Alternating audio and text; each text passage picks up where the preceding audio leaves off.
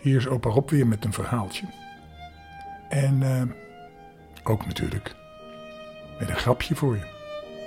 Want het zijn de donkere dagen voor kerstmis. En jij ligt lekker onder de dekens. En dan is het donker. En dan zijn er ook spoken. Er zitten twee spoken op de zolder en zegt de ene spook tegen de andere. Ik geloof dat ik mensen hoor. En dan zegt het andere spook. Geloof jij dan nog steeds in mensen? Een cowboy besluit naar de kapper te gaan, want zijn haar is veel te lang geworden. En als hij klaar is, loopt hij naar buiten. En wat denk je? Zijn pony is weg. en op een dag peutert de kleine Jantje in zijn neus. En de juf die vraagt: Jan, waar gaan peuter je nou weer in je neus? Antwoordt juf Jantje: Nou, ik zit toch op de peuterschool?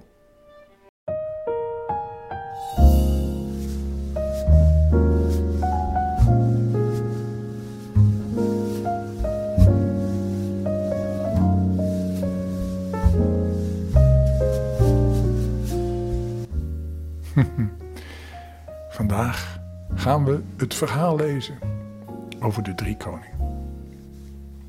We hebben twee verhalen: de drie koningen en de vierde wijze. Je weet hè, in het, de Bijbel worden de drie koningen een belangrijk uh, element in het kerstverhaal. Luister. De vlucht voor Heroides en Archelaeus. Toen Jezus geboren was in Bethlehem, Juda, Judea, tijdens de regering in Jeruzalem van Herodes, onder keizer Augustus, die in Rome zat, kwamen er magiërs, het zijn een soort wijzen uit het oosten. En ze kwamen in Jeruzalem aan en ze vroegen: Vertel ons, waar is de pasgeboren koning van de Joden? We hebben namelijk zijn ster zien opgaan. En we zijn gekomen om hem de eer te bewijzen. Koning Herodes schrok hevig toen hij dat hoorde. Hij was bang dat hij van de troon gestoten zou worden. En heel Jeruzalem met hem. Hij riep alle hoge priesters en schriftgeleerden van het volk samen om aan hen te vragen waar de Messias geboren zou worden. De Messias is de naam van de koning van de Joden. Geschreven staat dat hij in Bethlehem in Juda, Judea geboren wordt, zeiden ze tegen hem. En jij, want er staat in de Bijbel, en jij, Bethlehem, in het land van Juda, bent zeker niet de minste onder de leiders van Juda. Want bij jou komt een leider voort die mijn volk, Israël, zal hoeden. Daarop riep Herodes in het geheim de magiërs bij zich. Hij wilde precies van hen weten wanneer de ster zichtbaar geworden was. En hij stuurde ze vervolgens naar Bethlehem met de woorden: Stel een nauwkeurig onderzoek in naar dat kind. Stuur mij bericht zodra je het gevonden hebt, zodat ik erheen kan gaan om het de eer te bewijzen.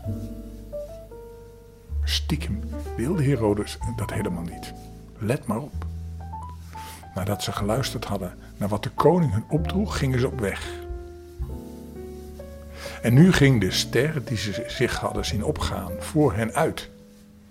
Die wees ze de weg, tot hij stil bleef staan boven de plaats waar het kind was. Het kinderke Jezus. En toen ze dat zagen, werden ze vervuld van een diepe vreugde. Ze gingen het huis binnen en ze vonden het kind met Maria, zijn moeder. Ze wierpen zich neer om het een eer te bewijzen en daarna openden ze hun kistjes met kostbaarheden en boden het kind geschenken aan: goud en wierook en mirre.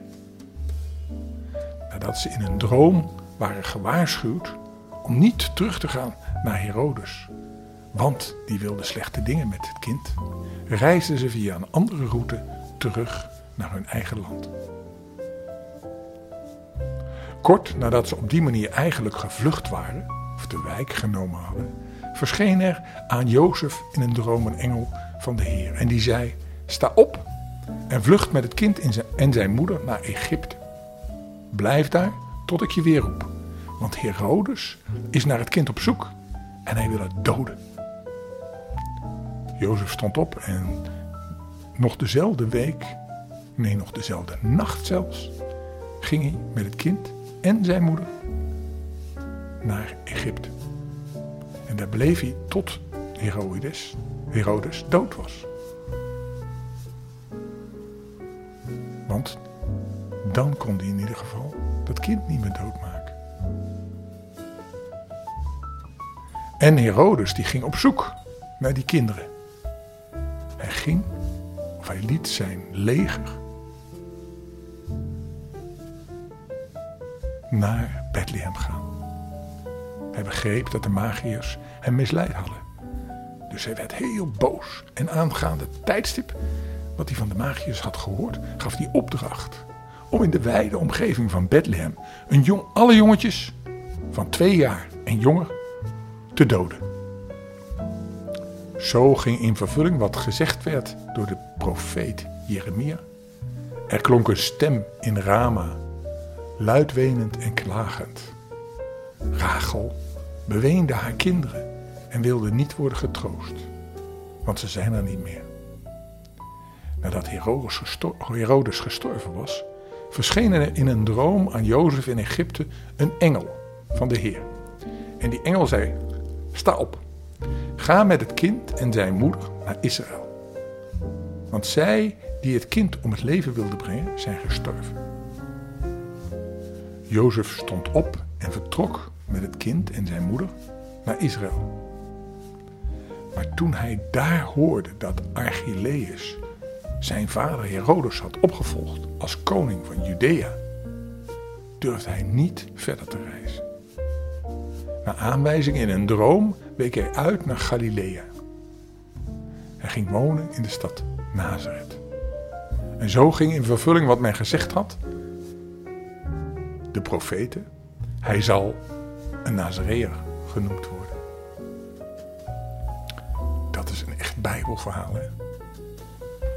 Nou, we hebben ook nog een Bijbelverhaal over de vierde wijs. Niet iedereen die gelooft daarin, maar het is een mooi verhaal. De vierde wijs. In de tijd dat Augustus keizer was van het Romeinse Rijk en in Rome woonde, en de koning Herodes in Jeruzalem regeerde, leefde er in Perzië een man die Artaban heette. En Artaban was een geleerde en wijze man. Hij wist veel van geneeskracht van planten en kruiden. En als het donker was, bestudeerde hij de sterrenhemel. In oude profetische boeken had hij gelezen dat in het Joodse land een koning geboren zou worden. En die koning zou licht en vrede brengen over de hele aarde. Als teken van zijn geboorte zou een grote nieuwe ster aan de hemel verschijnen. Artaban had dit verteld aan drie andere wijze mannen die de sterren bestudeerden. En zodra de ster was verdwenen, wilden ze samen naar Jeruzalem reizen om de nieuwe koning te begroeten en hem geschenken te brengen. En omdat ze op verschillende plaatsen in Perzië woonden, hadden ze afgesproken dat ze alle vier op reis zouden gaan zodra ze de nieuwe ster aan de hemel zagen. Bij een tempel niet ver van Babylon zouden ze op elkaar wachten. Daarna konden ze samen door de woestijn naar het Joods land reizen.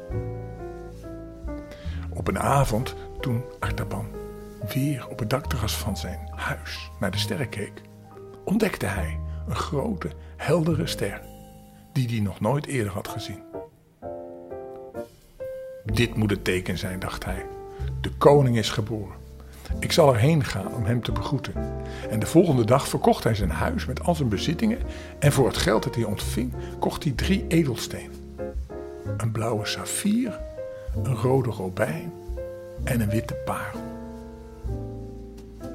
Blauw, rood en wit. Blauw van de saffier, rood van de robijn en wit van de parel.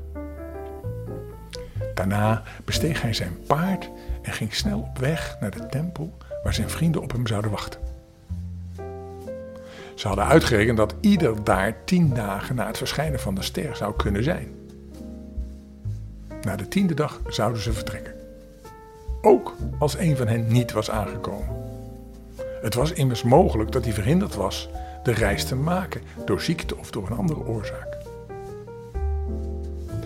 Artaban moest elke dag een lange afstand afleggen om op tijd bij de tempel te zijn. Eindelijk tegen de avond van de tiende dag zag hij de vervallen muren van de stad Babylon. Na een korte rust en een maaltijd reed hij weer verder. Nog drie uren rijden en dan zou hij zijn vrienden ontmoeten in de tempel. Artaban verheugde zich erop hen weer te zien en samen met hen verder te kunnen reizen. Hij reed nu door het donkere bos van de dadelpalmen, waar het maanlicht door nauwelijks kon doordringen. Zijn paard liep langzaam, voorzichtig, zijn weg zoekend. Plotseling bleef het staan voor een donker voorwerp dat op de weg lag. Artaban liet zich van zijn paard glijden en zag een man op de grond liggen. In het zwakke maanlicht keek hij naar het bleke gezicht. Hij had het vermoeden dat het een Joodse man was. Er woonden nog steeds veel Joden in Babylon, sinds het Joodse volk honderden jaren daarvoor hierheen in ballingschap was afgevoerd. Artaban dacht dat de man dood was. Hij kon niets meer voor hem doen. Bovendien had hij geen tijd voor oponthoud. Hij keerde zich om en wilde zijn paard aan de teugel langs het lichaam van de man leiden. Maar toen hoorde hij een diepe zucht. En hij voelde dat de man de zoom van zijn mantel vastgreep. Artaban schrok. De man leefde nog en hij moest hem helpen. Maar dat betekende ook dat Artaban te laat bij de tempel zou komen. Zijn vrienden zouden vastdenken dat hij niet op reis was gegaan. En ze zouden zonder Artaban vertrekken. Een ogenblik stond Artaban in tweestrijd. Toen hij, als hij de man zo liet liggen, zou hij zeker doodgaan. In elk geval moest hij hem wat te drinken geven. Uit de beek haalde hij water en bevochtte daarmee de droge mond en het voorhoofd van de man. Van een geneesmiddel dat hij altijd bij zich had, maakte hij een drankje en goot het voorzichtig tussen de lippen van de zieke man. Zo was hij lange tijd met hem bezig en langzamerhand kreeg de man zijn krachten terug en kon hij weer iets zeggen. Wie ben je? vroeg Artaban. Vroeg hij aan Artaban. Waarom ben je hier gekomen? Om mij van de dood te redden. Nou ja, ik heet Artaban en ik ben op weg naar Jeruzalem om de nieuwe koning van de Joden te zoeken. Die koning zal licht en vrede brengen. Nu moet ik weer verder, snel verder reizen, want anders ben ik te laat. Hier heb je nog wat brood en een kruidendrank. Je zult nu gauw weer sterk genoeg zijn om naar huis te gaan. De Jood hief zijn bevende hand op naar de hemel en zei: Mogen de God van Abraham, Isaac en Jacob je zegenen. Ik heb niets wat ik je als dank kan geven, maar ik kan je wel vertellen dat je de Messias zult vinden. Onze profeten hebben gezegd dat hij in Bethlehem geboren is. Het was al ver na middernacht toen Artaban weer verder reed. En de zon kwam al op toen hij bij de tempel aankwam. En zijn vrienden waren al vertrokken. Onder een steen vond Artaban een stuk perkament, waarop stond geschreven: We hebben gewacht tot na middernacht. Volg ons door de woestijn. Teleurgesteld ging Artaban op de grond zitten en dacht: Hoe kan ik nou de woestijn doortrekken op een uitgeput paard en zonder voedsel? Ik moet terug naar Babylon, mijn saffier en mijn paard verkopen en een kameel en voedsel voor onderweg kopen. Zal ik mijn vrienden ooit inhalen? Een paar weken later reed Artaban door de woestijn, hoog gezeten op een kameel, schommelend als op een schip op zee. Hij kwam langs Damascus, zag de sneeuwtoppen van de Hermon, het blauwe water van het meer van Galilea en reed door de vallei van de Jordaan. Hij kwam in Bethlehem aan, drie dagen nadat de drie wijzen, Jozef en Maria, met het kind hadden gevonden en hun geschenken van goud, wierook en mirre hadden gegeven. Artaban was doodmoe van de lange reis. Maar ook blij dat hij nu eindelijk de nieuwe koning zou zien en hem zijn robijn en parel kon geven. Bij de open deur van het kleine huisje bleef Artaban staan.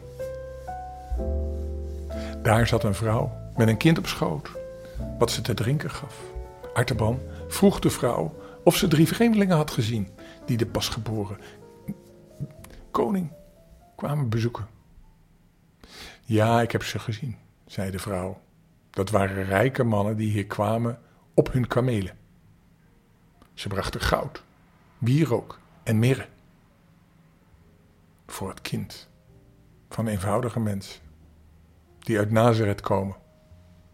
Maar na een paar dagen zijn ze onverwacht weer weggegaan. En de man uit Nazareth is midden in de nacht met zijn vrouw en zoontje vertrokken. Er wordt gezegd dat ze gevlucht zijn naar Egypte, omdat de Romeinse soldaten onderweg zijn om het kind te zoeken. Ik begrijp het niet hoor. Het waren doodgewone mensen en ik kan me niet voorstellen dat ze iets misdaan hebben. Plotseling hoorden ze vrouwen schreeuwen: De soldaten van Herodes! De soldaten van Herodes! Ze willen onze kinderen doden. De vrouw werd doodsbleek. Ze drukte het kind tegen zich aan en kroop in de donkerste hoek van de kamer. Artaban greep breed uit in de deuropening staan, zodat niemand naar binnen kon. De soldaten die dichterbij kwamen, keken de indrukwekkende vreemdeling aarzelend aan. De aanvoerder van de troep wilde Artaban opzij duwen, maar deze bleef onbewegelijk staan. Kalm zei hij: Als je me met rust laat, geef ik je deze kostbare robijn. Begeerig giste de aanvoerder de schitterende edelsteen uit zijn handen en riep tegen de soldaten: Doorlopen, hier is geen kind. De vrouw bedankte Artaban met tranen in de ogen. Ze zei: U hebt mijn kind gered. Mogen de Heer u vrede geven. Nu heb ik alleen nog maar de parel over voor de koning die ik zoek, dacht Artaban. En weer ging hij op reis. Nu naar Egypte, waar hij het kind met zijn ouders hoopte te vinden. Maar waar moest hij zoeken? In Alexandrië ging hij naar een Joodse rabbi en vroeg hem om raad. De rabbi las hem voor van een perkamenten rol waarop profeten over Israël hebben geschreven. Hij zei: De koning die je zoekt, kun je niet vinden in een paleis of bij rijke of machtige mensen. Zoek hem bij de armen, bij de zieken en bij de gevangenen. Artman ging op weg. Hij zag veel arme mensen. Hij bezocht zieken en hij kon velen genezen door zijn kennis van de geneeskrachtige kruiden. Ook kwam hij in gevangenissen. Hij probeerde te, te troosten en te helpen waar hij kon. Het leek soms alsof dat zijn eigenlijke doel was en zijn, hij zijn oorspronkelijke doel vergeten was. Maar zo nu en dan, als hij helemaal alleen was, haalde hij uit een verborgen plekje in zijn gordel de parel tevoorschijn en hij keek ernaar. Zo gingen 33 jaren voorbij. Maar de koning die die zocht, vond hij niet. Zijn donkere haren en baard waren grijs geworden. Artaban was oud en moe. En met een groep Joodse pelgrims trok hij naar Jeruzalem, waar de Joden hun paasfeest zouden vieren in de tempel.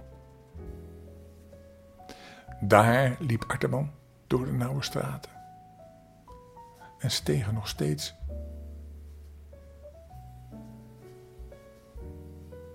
Daar liep Artaban door de nauwe straten en de stegen. Nog steeds zocht hij en keek hij om zich heen. Er hing een dreigende sfeer. Donkere wolken trokken samen boven de stad en een grote menigte mensen liep opgewonden in de richting van de westelijke stadspoort. Aan een paar Perzische Joden die ook die kant op gingen, vroeg Artaban wat er aan de hand was. We gaan naar Golgotha, antwoordden ze. Daar, buiten de stadsmeer, zal een terechtstelling plaatsvinden van twee beruchte rovers. En tegelijkertijd met hen zal Jezus van Nazareth gekruisigd worden. Deze man heeft wonderbare dingen gedaan voor zieke en ongelukkige mensen. Hij heeft veel volgelingen onder het arme volk. Pilatus, de stadhouder, heeft hem tot het kruis veroordeeld, omdat hij beweerde dat hij de koning der Joden was. Haastig liepen de Perzische Joden weer door. Artaban was doodbleek geworden en hij stond te trillen op zijn benen. Was die Jezus van Nazareth de koning die hij 33 jaar geleden in Bethlehem aan het zoeken was? Die 33 jaar geleden in Bethlehem was geboren en al die jaren had hij die gezocht. En werd hij nu gekruisigd. Hoe was dat nou mogelijk? Misschien kan ik hem wel vrijkopen met mijn parel, dacht Artaban. En zo snel zijn oude benen hem maar konden dragen, liep hij met de menigte mee naar de poort. Daar kwam plotseling uit een zijstraat een troep soldaten. Die een meisje met zich meesleepte. Haar jurk was gescheurd en ze schreeuwde het uit van angst. Artaban bleef staan. Hij had medelijden met haar en het meisje zag aan zijn kleren dat hij een Persische geleerde was. Help me, riep ze. Mijn vader kwam ook uit Perzië, maar nu is hij dood. En ze hebben mij als slavin verkocht. Red me van wat erger is dan de dood. Artaban beefde. Hij had nog maar één kostbaar geschenk voor de koning, die hij zocht. Tijd om lang na te denken had hij niet. Hij nam de parel uit zijn gordel en hield hem in zijn open hand. Verbaasd en begeerig keken de soldaten naar de glanzende steen. Ze lieten het meisje los, grepen de parel en verdwenen. En op hetzelfde moment werd het aarde donker en een aardbeving deed de grond trillen. De muren van de huizen schudden heen en weer. De mensen vluchtten zo snel mogelijk de poort uit. Maar Arteman bleef staan. Hij had geen haast meer. En hij was ook niet bang. Zijn laatste geschenk voor de koning had hij weggegeven. Hij had geen hoop meer deze koning te vinden. Zijn zoeken was afgelopen. Opnieuw deed een aardschok de grond trillen. Een steen uit een muur viel op het hoofd van Artaban. En hij viel neer. Hevig geschrokken knielde het meisje dat door hem was bevrijd naast hem neer. Het was alsof hij met iemand sprak die zij niet kon zien. Ze zag zijn lippen bewegen en ze hoorde hem fluisteren. Maar Heer, wanneer zag ik u dan? Hongerig en heb ik u te eten gegeven? Of dorstig en heb ik u te drinken gegeven? En heb ik u gekleed?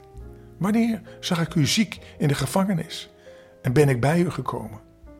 33 jaar lang heb ik u gezocht, maar nooit heb ik u gevonden. Hij zweeg en van veraf was toch duidelijk en hoorde het meisje een stem die zei: Wat je voor mijn broeders gedaan hebt, heb je voor mij gedaan. De glans van verwondering en vreugde kwam op het bleke gezicht van Artaban. Een laatste lange zucht van bevrijding kwam over zijn lippen. Zijn reis was geëindigd. Zijn geschenken waren aangenomen. De vierde wijze had de koning gevonden. Nou, dat was een mooi verhaal, hè? Ga nu maar lekker slapen hoor. Wel trusten. Dag. En oma Barbara, die loopt er weer doorheen. En die praat er altijd doorheen. Dat is heel vervelend. Maar ja, we moeten maar geloven dat ze het goed bedoelt. We weten het niet echt. Misschien leest hij jou ook wel eens een verhaaltje voor. Nou, dag. Wel rusten, hè?